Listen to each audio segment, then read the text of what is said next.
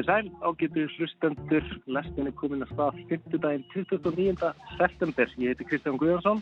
Ég heiti Lófabjörg Björnstóttir og lestin er núna í dag sendt út í byggni útsendingu frá Háskóla Bíó. En alþjóðlega kvöndaháttíð í Reykjavík rift hefst í dag og reyndar voru fyrstu síningar að hefjast rétt í þessu í fjórum sölum hér í kvöndahúsinu við Hagatorg og svo eftir tvo tíma hefst sjálf opnunar aðtöndin og opnuna myndin. Einmitt, þátturinn í dag verður helgaður rift og kvikmyndalistinni almennt. Við fáum til okkar goða gæsti. Við ræðum við Hrönn Marinósdóttur, stofnanda og, og stjórnanda hátjárnar. Við spjöldum við Aldísu Ömu Hamilton, leikonu og Sigurjón Sigvardsson, kvikmyndaframleganda og leikstjóra sem er einmitt að frumsýna sína fyrstu heimildamind núna á háttíðinni. Já og svo fáum við gaglind okkar Skurun Elsu Bragadóttur til að rýna í opnunamyndina Vera og sitta fleira. Mm -hmm. En svona meðan við erum að koma okkur betur fyrir hérna í Háskóla bíói, við erum endar í síma núna, þá ætlum við að byrja á lægi, Kristján. Já, við ætlum að byrja á, á tónlistamanni, bandarískum tónlistamanni sem að fjallum frá í gær, þetta er Coolio, eh, rapparinn sem að lést 59 ára gammal í, í gær, við ætlum að byrja á lægi með honum, þetta er I See You When You Get There.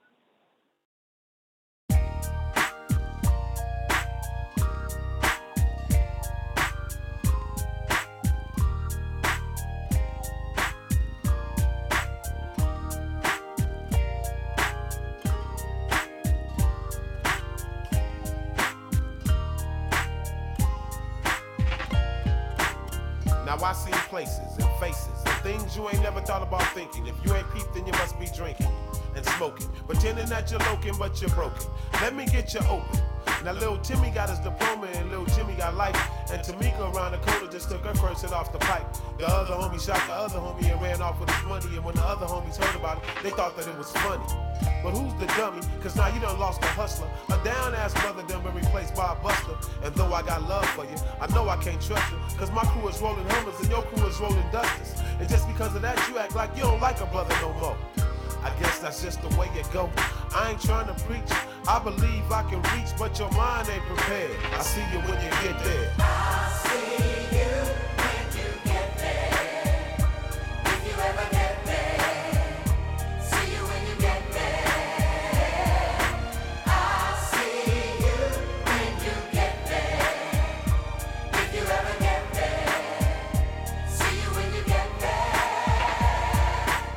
And faith, I guess we living for the day. I seen a man get swept off his feet by a boy with a your situation so twisted, everybody getting lifted. I'm just trying to take care of my kids and handle my business. Cause it's way too serious, so you gotta pay close attention. So you don't get caught slipping when they come to do all the getting. Life is a big game, so you gotta play it with a big heart. Some of us gotta run a little faster, cause we gotta lay the start. But I'll be a fool to surrender when I know I can be a contender. If everybody's a sinner, then everybody can be a winner. No matter your rag color, deep down we all brothers. And regardless of the time, somebody up there still love us. I'm a scuffle and struggling until I'm breathless and weak.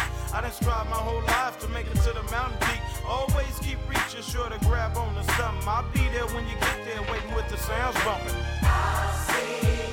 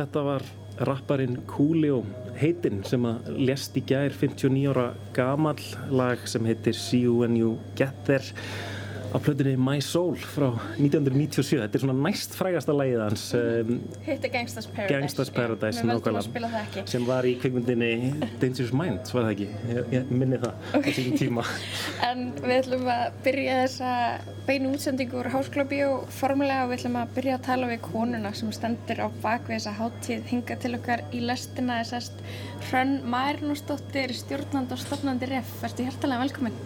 Takk fyrir, kærlega. Hvernig er svona stemmingin í dag svona á fyrsta degi REF? Ég myndi bara segja að stemningin var alveg ótrúlega góð. Við erum bara rosa spennt fyrir að byrja. Við erum búin að vera undirbúa í marga, marga mánuði og nú loksins er þetta alltaf raungerast og það er frábær tilfinning. Við lofum bara geggjari kvikmyndavislu næstu 11 daga. Já, þetta eru komin hvað, ní- 19 skipti eða e- eitthvað svoleiðis? já, þetta er 19. hátíðin. Já, er þetta sko eins og fyrir þig sem að bara stopnir þessa hátíð, kemur þessu á fót, er þetta alltaf jafn skemmtilegt á hverju einast ári? Sko, mér finnst alltaf vera nýjar og nýjar áskoranir uh, þannig að já, ég myndi segja það. Mér, finnst það er svo gríðarlega tækifæri með þessa hátíð. Hvað var það uppbyggingu? Þá er ég ekki endilega að tala um að fjölga myndunum eitthvað per se, en það er svo margt gott að gera með þessa hátíð. Og hún hefur svo mikið gildi auðvitað fyrir fólki í landinu, menningarlegt gildi, skemmtana gildi uh, og, og líka bara svona alþjóðlega Já, að kynna hana. En uh, þetta byrjaði sérst sem skólaverkefni hjá mér þessi Já. hátíð. Þannig að ég kannski bjóst ekki alveg við þessu að það myndi ganga svona vel og væri orðin svona stór og þekkt hátíð má segja. Hvað er að gerast núna hérna í Háskólabíó? Hvað, uh, hver er svona dagskráin? fyrir utan uh, það að vera að poppa eins og heyrist kannski. og við erum sérst búin að skreita hú, húsið fengum hérna, tvo hönnuði systur sem heita Steinasystur sem eru búin að breyta háskólabíói í svona kósi bíóhús með alls konar stólum og, mottum og kósi lömpum og blómum og svona. Og dagskráin bara eiginlega var að hefjast fólk er mætt búið að kaupa sér miða búið að hérna, koma sér fyrir í sölunum fyrstu síninga dagsins. En núna klukkan sjö þá verður hátíðin sett formlega af uh, menningarráð þeirra Lilju Dogg Alfredsdóttur rosalega spennandi og, og opnunarmyndin okkar heiti Vera. Og hérna æðislega flott mynd, mm -hmm. báðir eru viðstattir, þeir hafa komið hinga áður, þetta er lin- myndin sem við sýnum eftir þá. Og aðaleikonan Vera Gemma, dóttir Giulianos Gemma sem var spagetti vestra leikari svaka, svaka flottur og myndalegu maður. Hann, hérna, pappi hennar. Þannig að, já. Já, hérna, þú, þú talaður um að það séu alltaf svona nýjar áskorunir sem að hérna blasa við kannski á, á hverjum tíma uh, fyrir hátíð eins og, og reyf. Hva, hvaða áskorunir eru það núna? Og, og kannski, sko, ég til dæmis velti fyrir mér svona hátíð hennar, hennar sko, hlutverk lítur að breyta svolítið með eins og streymisveitunum, einhvern veginn, kannski fyrir 20 árum þá var ekki aðgengi að, að, að jafn mikið af nýju efni allstaðar að úr Evrópu eða heiminum og núna einhvern veginn erum við með svo mikið bara hérna í sjónvarpinu okkar heima, í Netflixinu eða hvað sem er, Hver- hvert er svona hlutverk einhvern veginn svona hátíðar? Já, þetta er góð spurning og líka því að borgin hefur breyst svo mikið. Þegar við fórum á stað þá var til dæmis engin harpa til. Þannig að hérna nú er bara allt morandi í alls konar viðburðum og, og mikið í sjónvarpinu líka. En ég held samt að kannski hlutverk svona hátíða sé ennþá kannski ekki síður mikilvægt. Uh, þetta er svona vettfangur til að kynna svona nýjasta nýtt og við erum sérst ekki að kaupa þessar myndir, við fáum bara lánaðar.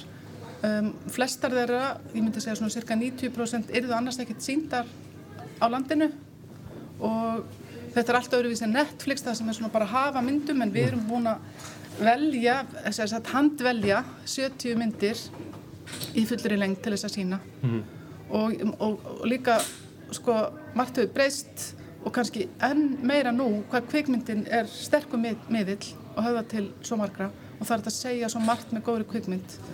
Þannig að hérna og ég held að það sé bara rosa mikilvægt eins og við kannski riffið svona svolítið svona eins og samtíma speill við erum að varpa svolítið ljósi á það með myndunum sem við veljum svona hvað er að gerast í heiminum Einmitt. þannig að hérna ég held að hlutverkið já bara alls ekki síðra en það var í upphæði. Um, eh, ég tók eftir því að í ár það eru spænskar kvikmyndir í fókus. Er alltaf einhver alls konar hlutir í fókus. Um, þú talar um í öðru viðtala að það hefur verið draumurinn lengi að, að, að, að sína spænskar kvikmyndir. Hvers vegna? Sko, það eru nokkrar ástæður. Auðvitað fyrst má nefna þá ástæðu að það er mjög mikið að gerast í spænskri kveikmyndagerð mikil gerjun og flottar myndir að koma þaðan eins og maður sér bara á svona stóru alþjóðlega hátíðum nýverið, San Sebastian og Feneum og Cannes, mikið af spænsku myndum og til dæmis Pacifiction eftir Albert Serra og hérna myndin sem vann í Berlín núna síðast, það er líka spænsk mynd sem við erum að sína, hérna Alcaraz heitir hún en líka bara það að Íslendingar hafa svo mikið áhuga á Spáni og, og það er svo gott að fá svona sól og byrtu til Íslands í staðan fyrir að, að við séum alltaf að fara til Spánar. Þá langaðu okkur auðvitað bara líka til þess að færa Spán svolítið hinga heim. Já. og hérna það er svo sjaldan sem að gefst færa því að sjá svona mikið úrval og gott úrval af spænsku myndum í bíóm Gott, gott í þessu veðri líka. og fyrir utan það, og bara veðrið, þetta er fullkomið sko, búið að vera gott veður, svo riff byrjar, það kemur ykning, það er bara, bara hérna, fastur leiður eiginlega. Einmitt. En svo, svo kemur þessi, þessi frábæra leikara Rossi de Palma sem hefur margið þekkja úr úr Almodovar, Pe- Pedro Almodovar myndunum. Já. Hún kemur hérna og verður með svona hérna, meistara spjall, eða ekki? Já, Já. Hún, hún ætlar að koma, hún ætlar að segast við sínu myndir sem hún hefur leikið í og hún ætlar að vera að spjalla við hana Haldur Geirhas leikonu og Rossi, hún er náttúrulega Mætast Bara- turnar þarna. Já, mættað, já, það verður mjög gaman uh, hérna að hlusta á þær tala saman. Báðar frábæra leikonur og svo líka Rossi svona gefið svo út fyrir að vera svona málsvari hérna bara mi- feminista og, og líka svona hér, bara jafnréttismála, hins einn málefna líka. Frábæra alveg. Og líkinda á milli þeirra. Já, ég myndi segja það. Það eru allavega fremstar og sínu sviði í sikkura landinu Ég með. og báðar svona tengjast evrósku kvikmyndavelunum líka. Uh, já. En, en, en já, þú, þú segir hérna með, með svona uh, já, stöðu kvenna og, og, og það, það verðist vera eitthvað sem, að, sem að þið eru að leggja áherslu á núna líka að í rauninni uh, einhvers staðar svo í töluna að það veri sko, meiri hluti leikstjóra meiri hluti myndana er leikstýst af konum á hátíðin í ár Já, við höfum alltaf lagt okkur fram um að hafa hlutvöllin svipuð og, og það var líka svipað í fyrra. Ok, já, En hérna, já, okkur finnst það bara auðvitað mikilvægt að reyna að hafa þetta svona 50-50. Sum, sumar hátíðir eru með svona ákveðin kvóta, við höfum ekki farið þá leið af því við viljum auðvitað að gæðin skipta mestu máli. En sem betur fer þá er, hefur þetta verið þannig að, konur eru að leikstýra svona cirka helmingi, af- helmingi myndana sem við sínum.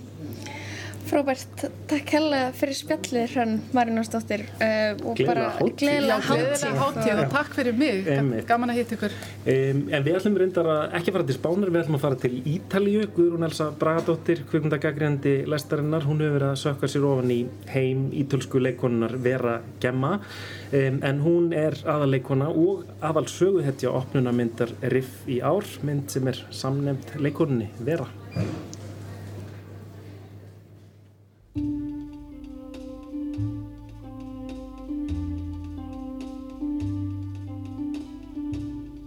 Vivere ancora soltanto per un'ora. Haustið er komið og riff er í lofti.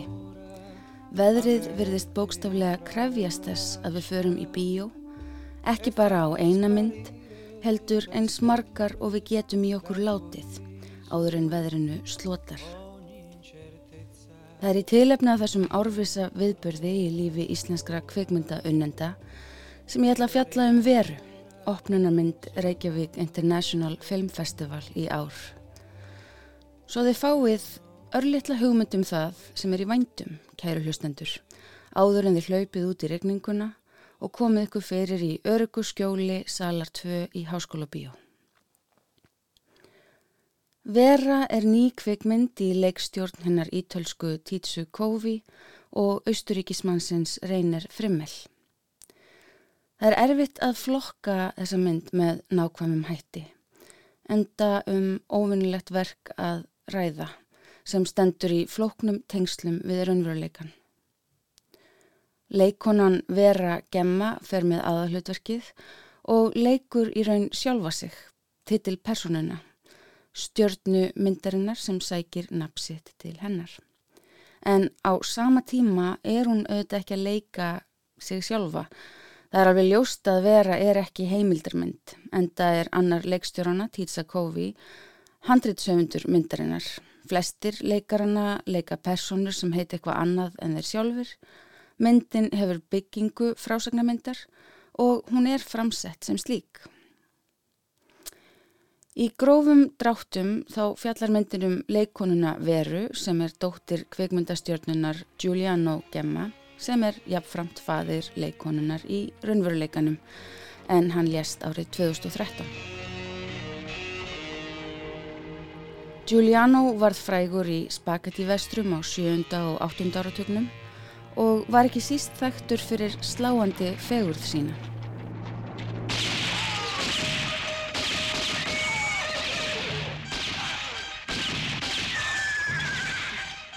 Fegurð sem vera dáist að en verður líka til þess að henni finnst hún aldrei nógu falleg sjálf.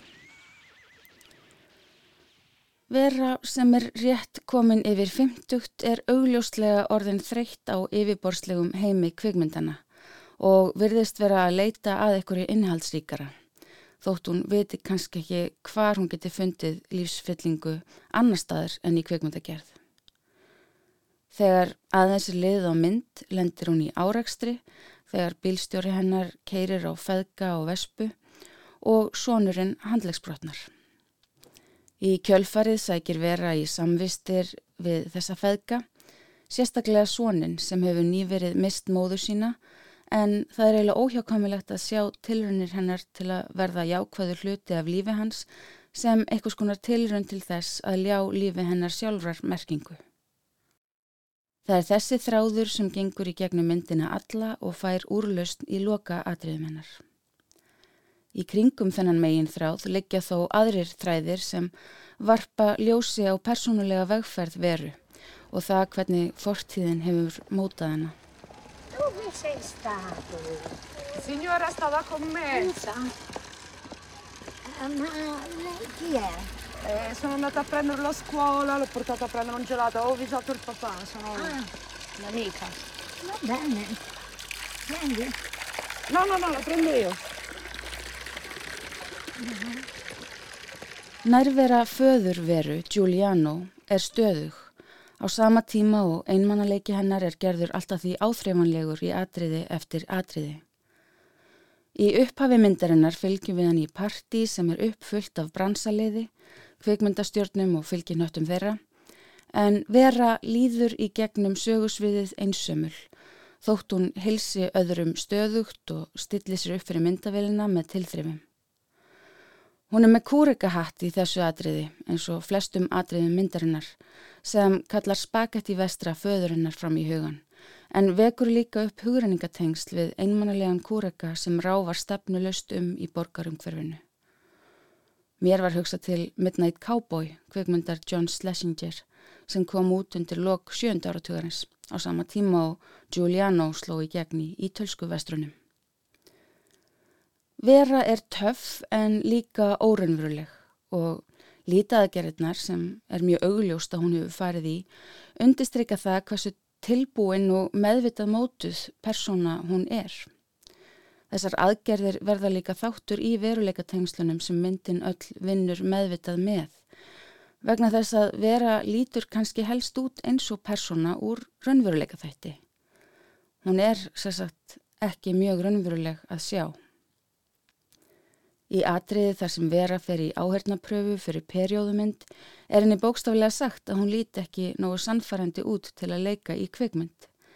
En leikstjórin reynist síðan hafa mikinn áhuga því að fá myndtekna af sér með henni þegar hann heyrir hver fadir hennar var. Hún er ekki áhugaverð nema sem nokkus konar minnisvarði um merkilegan föður. Það er sérstaklega tekist á við þessa staðrænt síðar í myndinni þegar vera hittir vinkunu sína Asju Argento, dóttur kveikmyndaleikstjórnans fræga, Dario Argento. Í atriði þar sem þær standa frammi fyrir gröf sonar þýska skáldsins Göte, en sonarins er ekki eins og getið með nafni, sirkja þær són sem kvílir í skugga föður síns. Þegar Asia bendir á skortin á upplýsingum um mannin, um það hvað hann gerði, hvort hann hafi verið listamaður eða hafi haft einhverja hæfileika, bætir veraði við að við vitum heldur ekkert um drauma hans eða fyrirætlanir. Þarna snertir hún á sásökafullri upplifun hennar sjálfrar. Henni líður eins og hún hafi ekki áorkað nærið því öllu sem hún hefur metnað fyrir og grunar að draumar sínir eigi eftir vill aldrei eftir að verða uppfylltir. Þetta atriði beinir sjónum áhorfenda aftur að tengslu myndarinnar við veruleikan. Hér eru manneskjurna sjálfar, Vera Gemma og Asia Argento að tala um feður sína, að varpa ljósi á raunverulegar aðstæður barna merkilegra manna frammi fyrir raunverulegri gröf, en atriðið er samt sem áður skrifað fyrir þær. Samræðunar eru raunverulegar og óraunverulegar á sama tíma. Stílmyndarinnar vinnur líka með þessa veruleika tengingu, að minnstakostu upp að ákveðnu marki. Við fylgjum veru alltaf svo litið eins og hún sé viðfangsefni heimildarmyndar sem gengur út á það að miðla hennar sjónurhorni. Það er lítið sem ekkert um stílbröð sem búast má við að séu notuð í frásagnamynd en hér vísa ég til aðferða sem við sjáum svo oft að við tökum alla eftir þeim lengur og eru notuð til að miðla söguefni kvikmynda með sem skilvirkustum hætti. Sem dæmi má nefna að í staðin fyrir að nota afturlit eða flashback til að miðla upplifin veru af barneskusinni, þá fylgjumst við með veru fara í geimslu og sækja þanga gömul fjölskyldumyndbönd á 8mm filmu sem hún horfir svo á í næsta atriði með sýstur sinni Júliu sem er enn önnur persónamyndarinnar sem leikin er af rannverulegur mannisku í hlutverki sjálfar sín.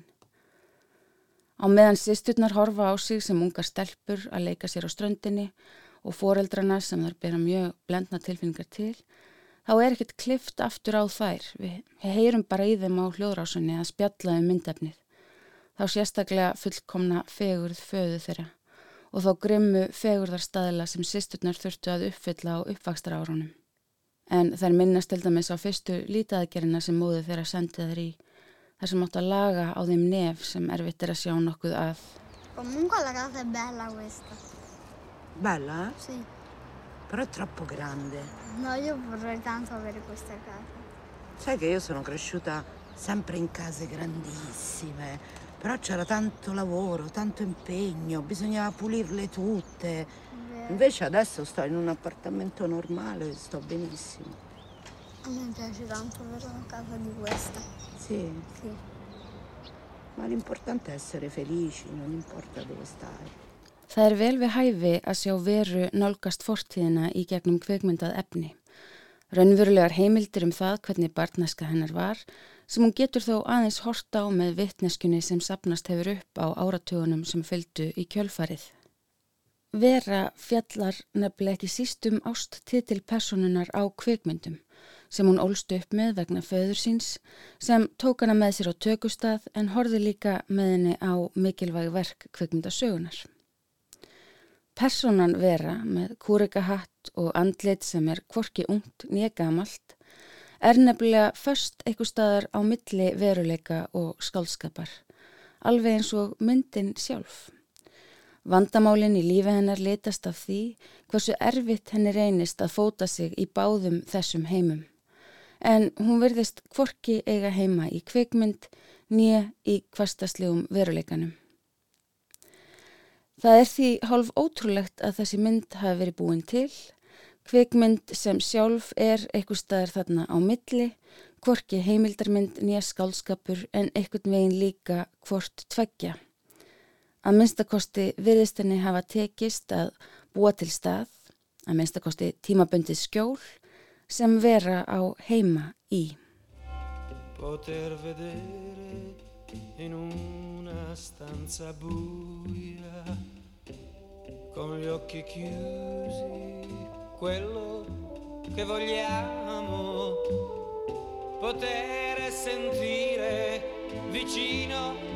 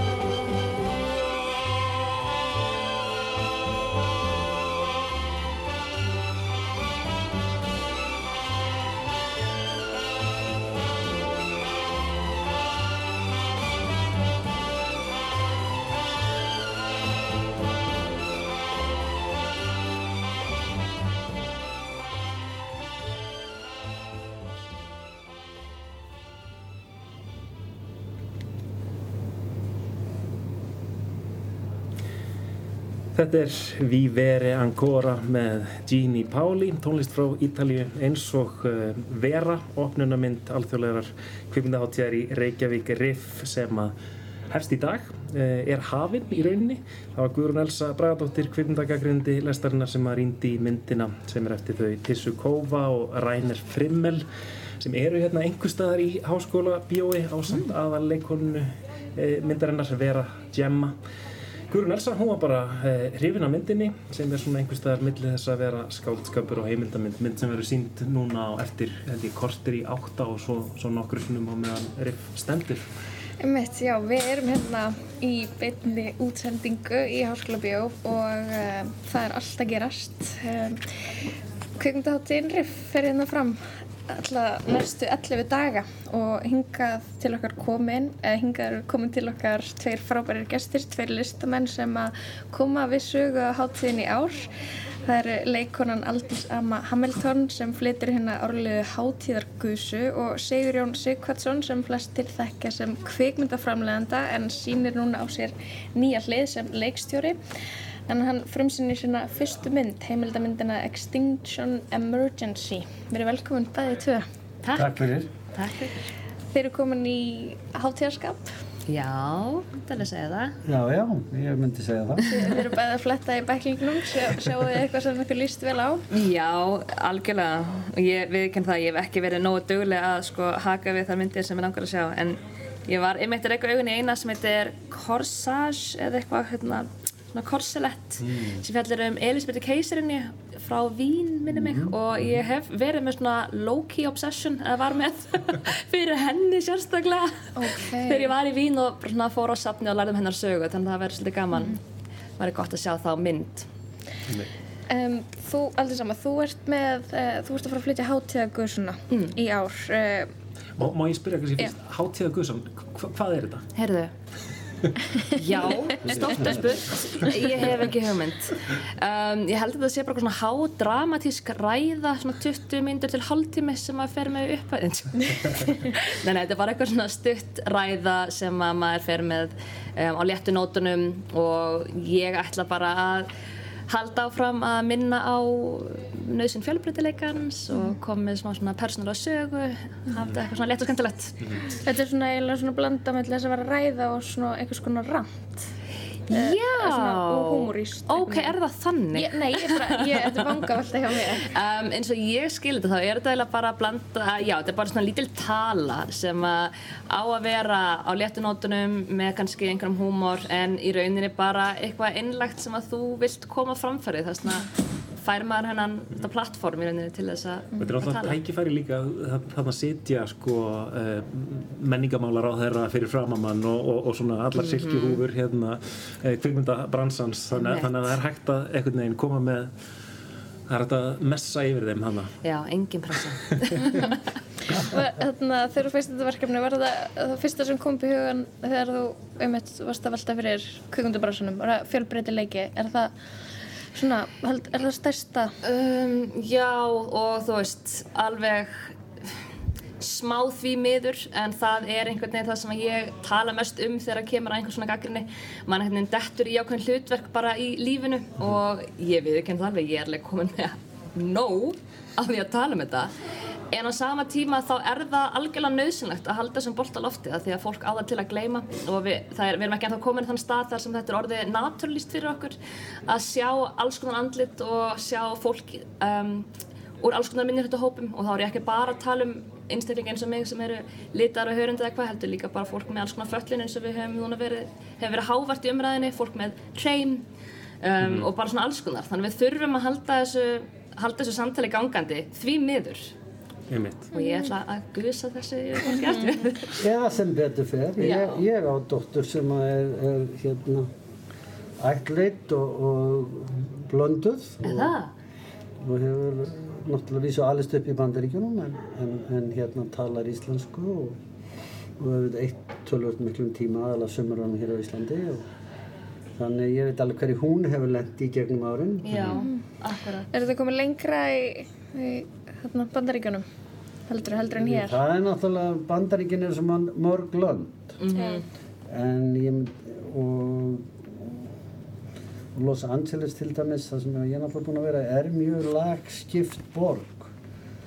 Og þannig að og ekki síst kvikmyndabransinn þannig að ég myndi nú segja það er svona, það er öðru vísi og ég, ég veit ekki hvort ég heldur eru komin lengra en á vissan há og vandamálun eru svo ólík líka það er Já. svona alltaf út á sögu bandaríkjana þá er alveg heilt nýtt bara já, svona baksagan gerir allt svo miklu flóknara en kannski hér á landi Einmitt. ímynda ég mér En, en kannski komin lengra í það að byrja svona í kvikmyndabransanum að leggja áherslu á fjölbreytileika.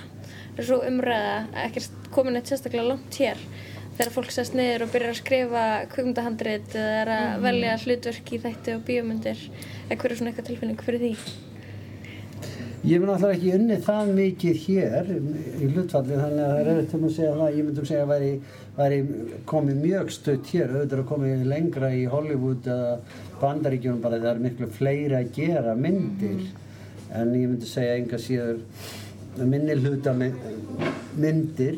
Eiga erfitt uppdráttar það er st- stórt vandamál. Já. Það var bara strax vandamál þegar ég var í kveikmyndaskóla það var, þú veist, það var ekki, jú, jú, ég var náttúrulega hvítur og kom frá Íslandi og leit út eins og allir hinnir en það voru ekki, það voru ekki margir minnilhluta hópar, hvorki konur, nýja fólks af öðrum lit eða kynþáttum, sko, bara innan við 10%, miklu minna.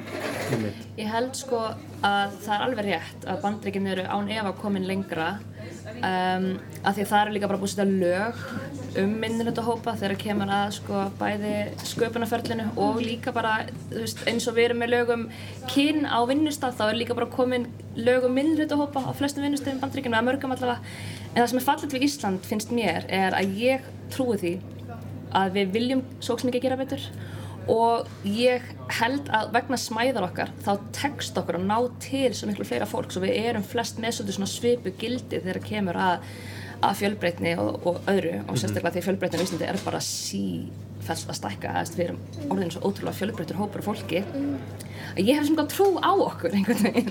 Nei, og, og ma maður sér líka bara breytinguna á, á segjum bara síðustu 5 eða 10 árum að- að að- að það er bara breyting. Maður sér að, það er and, andlit í, í sjónvastáttum, í bíómyndum Mm. uh, og, og það, það virðist vera eins og margir sé að leggja sér fram við þetta ég held það, ég trúi því Þannig að þú ert búin að vera í þessu hlutverki í smá tíma þannig að þú upplifir ekki að þú sést einhvern veginn að tala fyrir dögum eirum þegar þú talar um þetta. Nei, ekki ennþá Það kemur alveg staði, sant? En nei, ekki ennþá.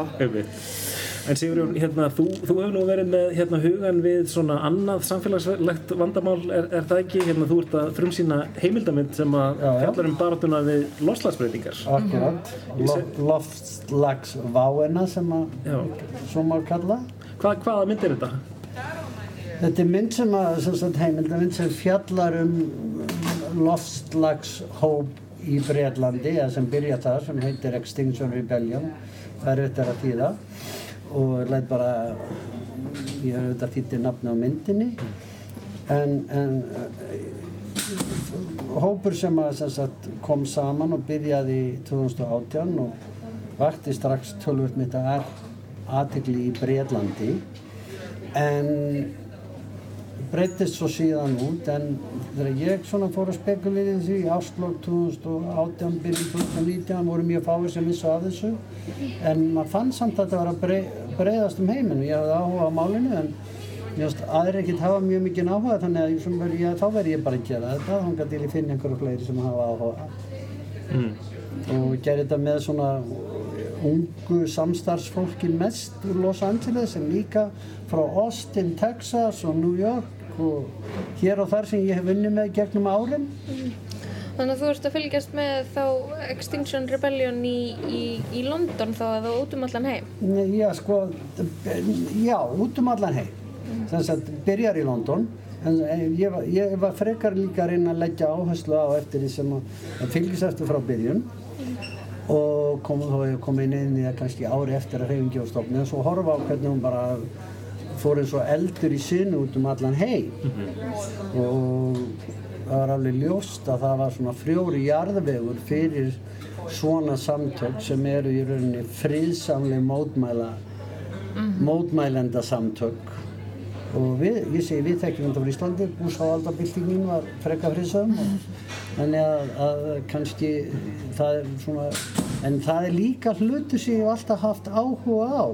Þannig að það er svona í þessum þætti svona, uh, í þessari mynd koma, er ymsa þættir sem ég sjálfur haft áhuga þannig að kannski er þetta ákveðin eigingirni að ég sá bara þannig að það voru svona hluti sem ég hef vest fyrir mér í gegnum árin. Kannski gæti ég svona varpa á það ljósi í gegnum þessa mynd hvernig svona hreyfing verður til, hvað er að gerast í loftslagsmálunum, hver er að segja satt, hver er ekki og hver er þróunin. Þetta þetta er hópur af fólki sem að í rauninni humdafræðin gengur út á svona borgarlega óhlýðni og í rauninni bara láta, láta eh, vera fyrir, láta handanakar sig til þess að vekja einhvern veginn aðtekli á málstæðnum um, En friðsalum Já, já, Mhm, um einmitt. Mér finnst spennandi að heyra sko þetta hverju maður á að trúa. Það er rosalega þakklátt. Já, já það var, og það var svona upp af þessu var það konu sem heitir Alison Green sem er vísindamæður og hún fekk hundra vísindamenn vísvegar á heiminn til að skrifa undir yfirlýsingu um það að hlínun jarðar væri raunverulegt vandamál sem að væri við allavega ættum mikinn þátt í mannfólkið að auka og það var byrt í The Guardian.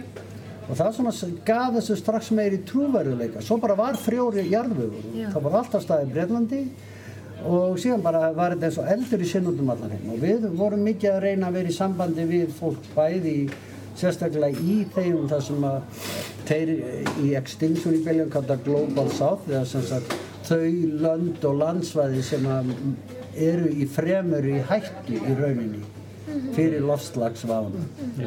En svona með við hvað uh, þessi ókn er raunveruleg, finnst ykkur einhvern veginn í samræmi við það að þetta hafi verið nógu mikið einhvern veginn til umfyllunar í kveikmyndabransanum, í vinsalum bíómyndum eða vinsalum þáttum eða, eða þú veist, er þetta eitthvað mikið tekið fyrir? Ég verið að ræða þetta á tökustaf. eða- hvernig, hvernig gerum við þetta?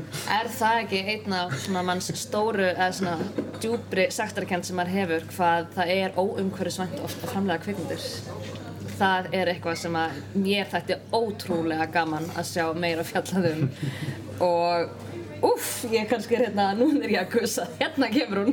Nei, nei, ég, svona, ég held að það væri mjög bara holdt fyrir einmitt kvikmyndafólk að sjá og bara að vekja aðtikli á einmitt hversu mikil þörf er á því að við lítum í kringum okkur og Mhm. bætum það sem við getum bætt og ekki setna en núna veit. og þá þurfum við kvikmyndafólk að taka það alveg til okkar þannig að En, en í umfyllunarefnunum, þú veist, Ah. maður er ekkert séð, maður er ekkert séð mikið af myndum eða þáttum um, um loftslagsvána hinga til, svona með við hvað þetta, Nei, meit, kannski hvað þetta er. ég, er svona, ég takti við hvað þetta er stort, maður myndi kannski ímynda sér að þetta væri stærra þema.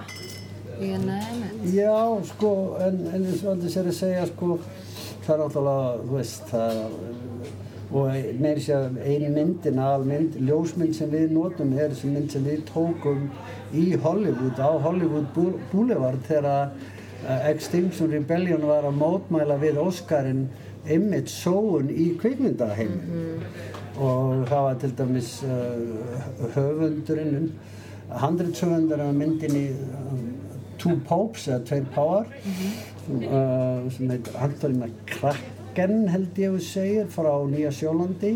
Hann var einmitt að tala um það að þegar Netflix var búið að gera myndina Two Popes og þeir voru bygg, búin að byggja miljard leikmynd sem kostaði miljard sem var bara sem sagt, nákvæm eftirlíking af Sistine Capellunni algjörlega í fullir stærð eftir Michelangelo og hann sagði þeir eru allar verið búin að lappa upp til stúdíunum þegar Netflix var komið hann á haugan Já. þetta hefði þess að vera hægt að fara með þetta um heiminn og sína fólki og.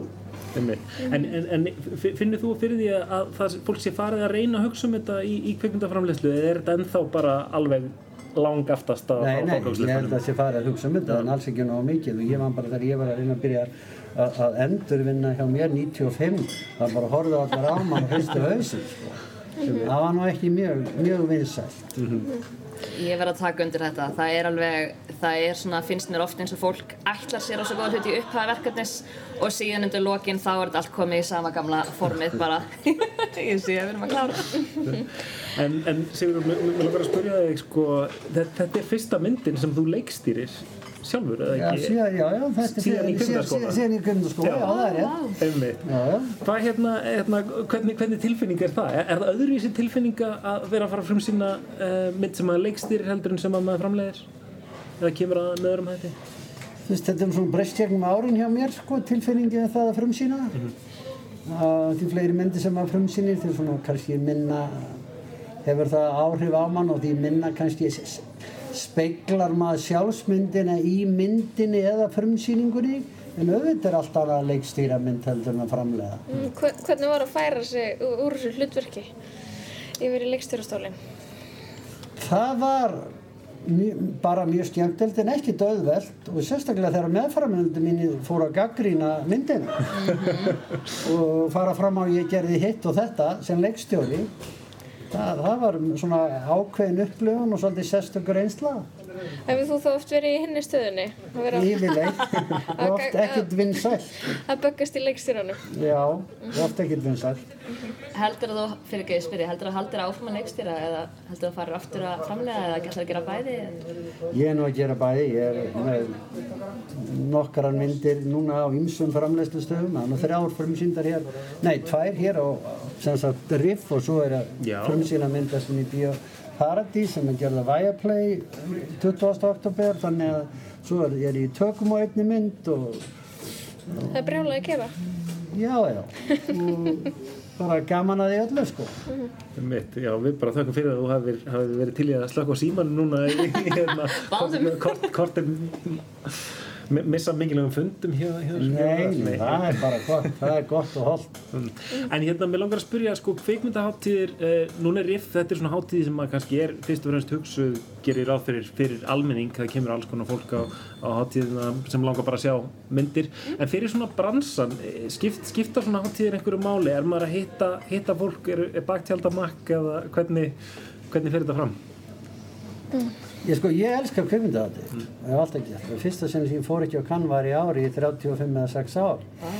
Þannig að ég elskar kvikmyndahátti og einmitt að, geta verið að hátíðum og geta verið að sjá myndir sem maður kannski sæði ekki annars eða maður er í því umhverfi eða maður fer á mynd, svona fullt af myndum hér sem eru áhugaverðar. Að ég elskar kvikmyndahátti. En auðvitað skiptaði líka miklu máli fyrir bransan og allan hægt og ég held að það skipti miklu máli núna þegar við erum að koma út úr COVID. Uh, Það er þjappa fólki saman, það er minna fólk á miðilinn, hér eru allsins tegundur og allsins gerðir þannig að það er blandað saman og leið svona, til dæmis ég sé það eru nokkar stuttmyndir hérna sem að við langar verulega að sjá Já. og það er fá svona, já, svona góðan skerf og gott box og stuttmyndin, ég hef alltaf verið hrifin af henni, hún er ekki fengið nóg pláss bara í heild.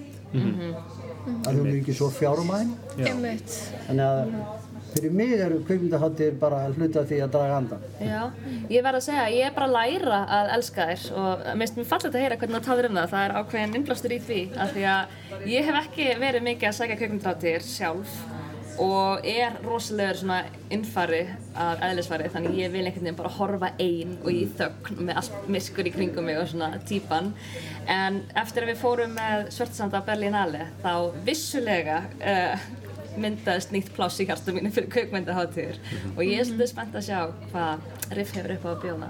Einmitt. Svo held ég að við séum með sér tengd sko, ég held að stjúppappi hennar er frændi minn, hann er velkomin til Íslands. Það er ógæðslega fyndið, já ekki skrítið samt, en það er bara eiginlega ekkert fyndið, það er bara mjög vennilegt. Já, ég veit ekki hvort þú kallar hann stjúppappa eða hvað en. Ég kalla hann pappa. Já, við erum náfrændur eða svo auðvitað, tengjast, tengjast allir. Já. Tengjast allir. Við því. Já, við, við, ef við hefðum svona hálftíma yfirbútt þá værum við, myndum við örugglega öll finna tengingarnar. Já, mitt, þá varum við að reykja þetta allt saman. Um mitt. Eigum við að, að heyra tónlistlóa eða hvað? Jú, við skulum kannski bara fá að heyra lag. Eh, hvað, já, við skulum hlusta, já, ég hef búin að velja lag. Þú varst búin að velja Ég hef búin að lag? velja lag. Já, Hérna, hvað ætlaðu að heyra Lóa? Sko, uh, ég tók eftir í að ein af heimildamindunum sem er sínd á Riffi ár fjallar um sko rock-senuna í, í New York, þannig að Mm. tala um sko fyrir og eftir 11. september sem er eitthvað svona og, og það eru margar af svona mínum uppáhaldsljónsveitum uh, gömlu, þarna Strokes og Yes og LCD Sound System.